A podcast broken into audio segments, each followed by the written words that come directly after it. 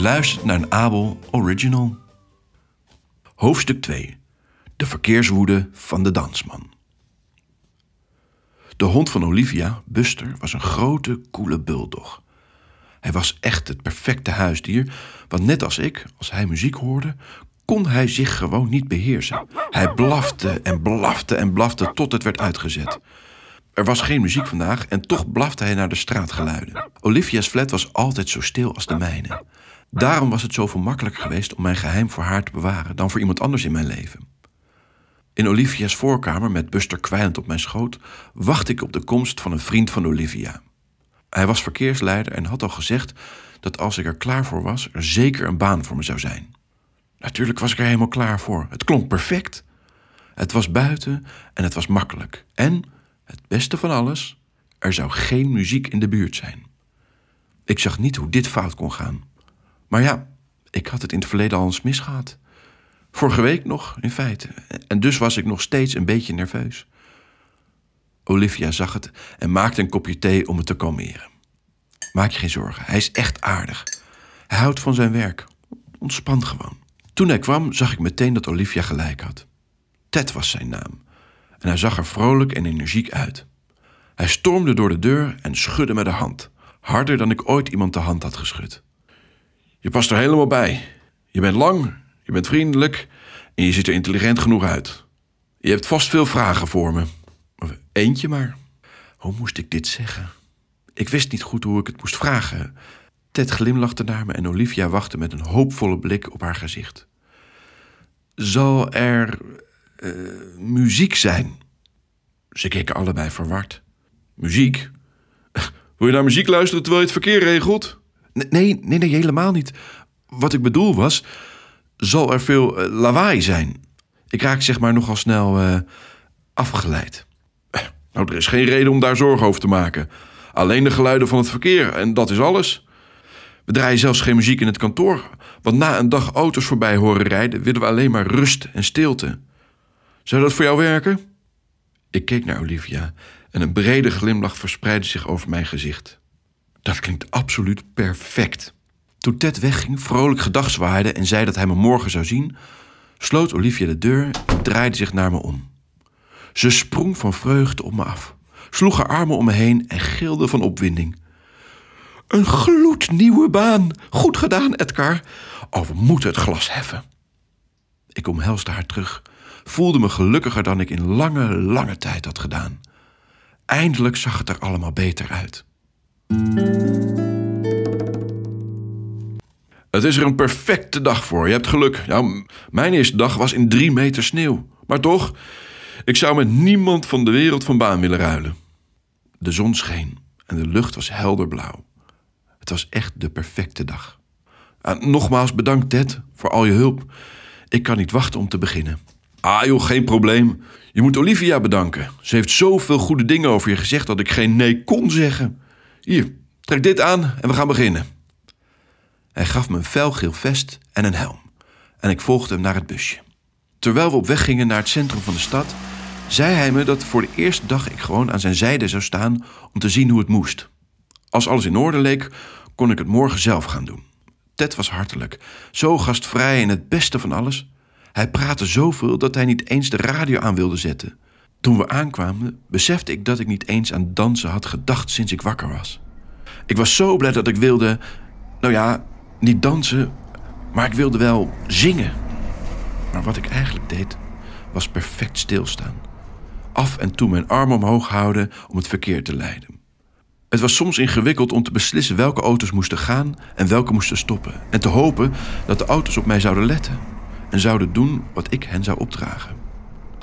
Maar met Ted aan mijn zijde voelde het alsof niets mis kon gaan. We stonden midden op een drukke weg met voertuigen uit alle richtingen. Maar Ted had gelijk toen hij zei dat er geen lawaai was en geen muziek. Er was alleen maar geruis van verkeer en dat was niet genoeg om mijn dansen in gang te zetten. De eerste uren gingen zo snel voorbij dat ik niet eens realiseerde dat het al lunchtijd was. Totdat Ted me vertelde dat het tijd was voor een pauze. Toen we gingen zitten om te eten, straalde ik. Vermaak je je? Ik wilde hem vertellen hoe blij ik was dat ik zo lang stil had gestaan zonder mijn armen en benen in het ronde te gooien waar iedereen bij was. Zeker wel. Denk je dat ik er morgen klaar voor ben om het alleen te doen? Nou, ik zou niet weten waarom niet. Ik zou zelf zeggen dat je er nu al klaar voor bent. Hij nam een grote hap van zijn boterham en gaf me een schouderklopje. Na die eerste dag ging het steeds beter. Ik ging naar bed met een voldaan gevoel en werd wakker met een opgewonden gevoel. Ik reed naar mijn rustige kantoor en bracht de dag door met naar verkeer te luisteren, mijn armen te bewegen zonder te willen dansen en kwam toen naar huis. Ik hield van mijn werk, maar ik hield nog meer van het thuiskomen. In feite was dit mijn favoriete moment van de dag. Niet omdat de werkdag voorbij was, maar omdat ik steeds meer tijd met Olivia en Buster was gaan doorbrengen. De eerste dagen had ze elke avond op mijn deur geklopt om te zien hoe het ging en om te controleren of Ted me niet te hard aan het werk had gezet. Daarna begon het een gewoonte te worden en elke dag na het werk ging ik bij haar op bezoek en dronk we een kopje thee. Tijdens de tweede week maakten we om de beurt eten voor elkaar. En de derde week maakte ik mijn fameuze cocktails en keken we een film. Zonder geluid. Jawel, een stomme film. Het was bijna onvoorstelbaar, maar dit was het lievelingsgenre van Olivia. Alles was perfect. Omdat er geen gevaar was voor verrassingsmuziek bij haar of bij mij, genoot ik meer dan ooit van mijn tijd samen met Olivia. Het was misschien zelfs meer dan dat. Ik begon haar misschien leuk te vinden. Ik vond het zelfs niet meer erg dat Buster op me kwelde. Zo serieus was het. Op een dag, net toen ik mijn werk verliet om naar Olivia te gaan, zwaaide Ted gedag en terwijl hij dat deed, zei hij: Doe je vriendin de groeten van me? mijn wat? Ik, ik bedoel. Ik bedoel Olivia, zei hij. Oh, sorry, ik dacht dat jullie twee. Uh... We, we zijn gewoon vrienden, zei ik terwijl we afscheid namen. Maar toen begon ik erover na te denken. Ik vond Olivia echt leuk en we brachten veel tijd samen door.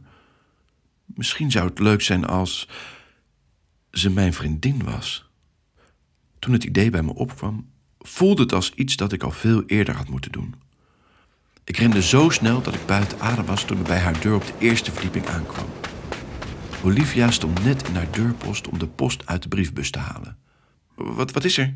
Ik kon nog steeds niet praten, maar ik was wanhopig om mijn vraag eruit te krijgen.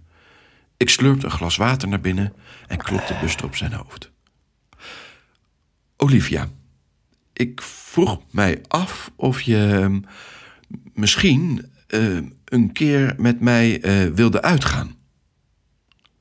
Langzaam keek ik naar haar op.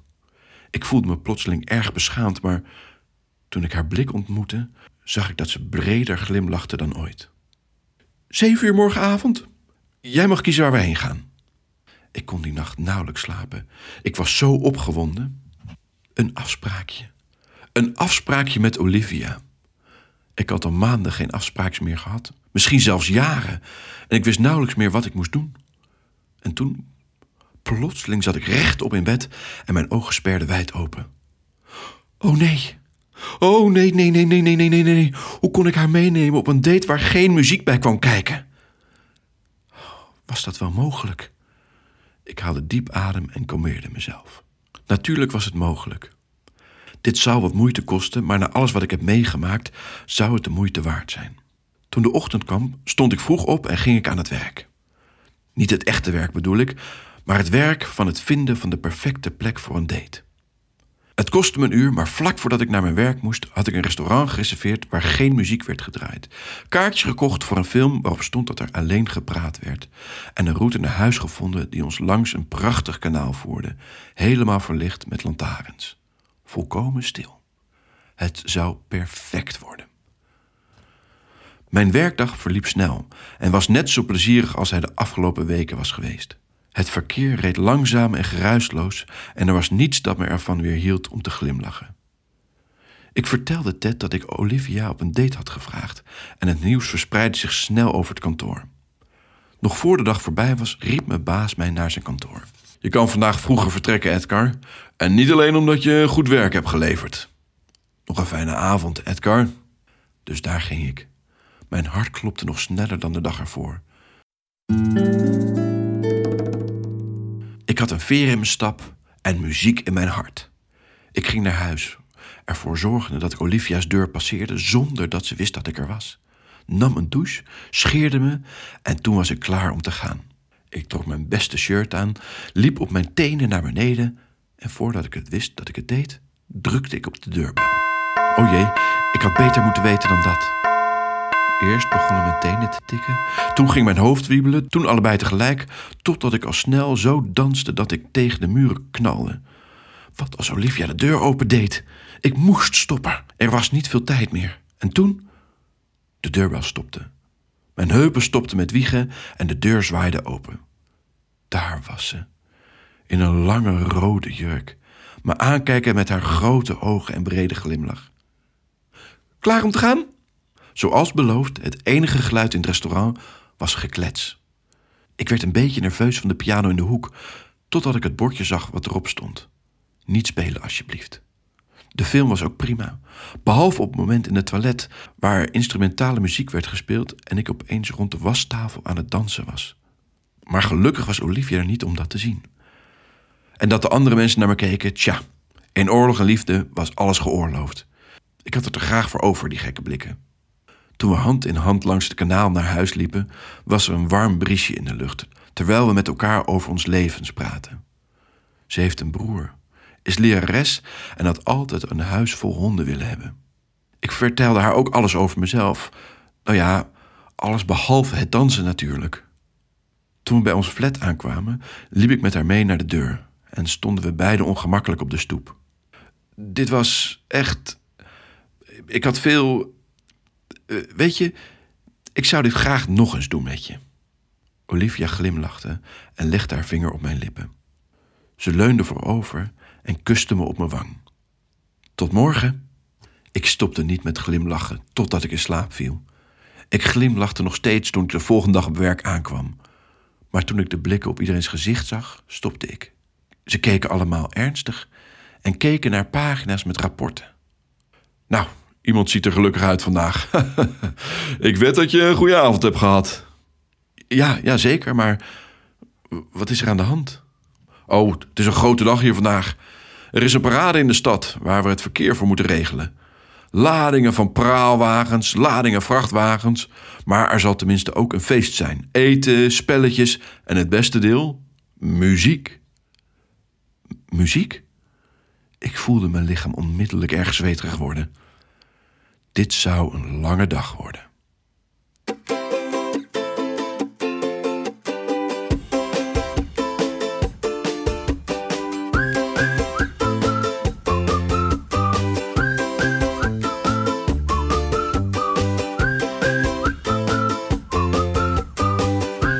Je luisterde naar een Abel Original.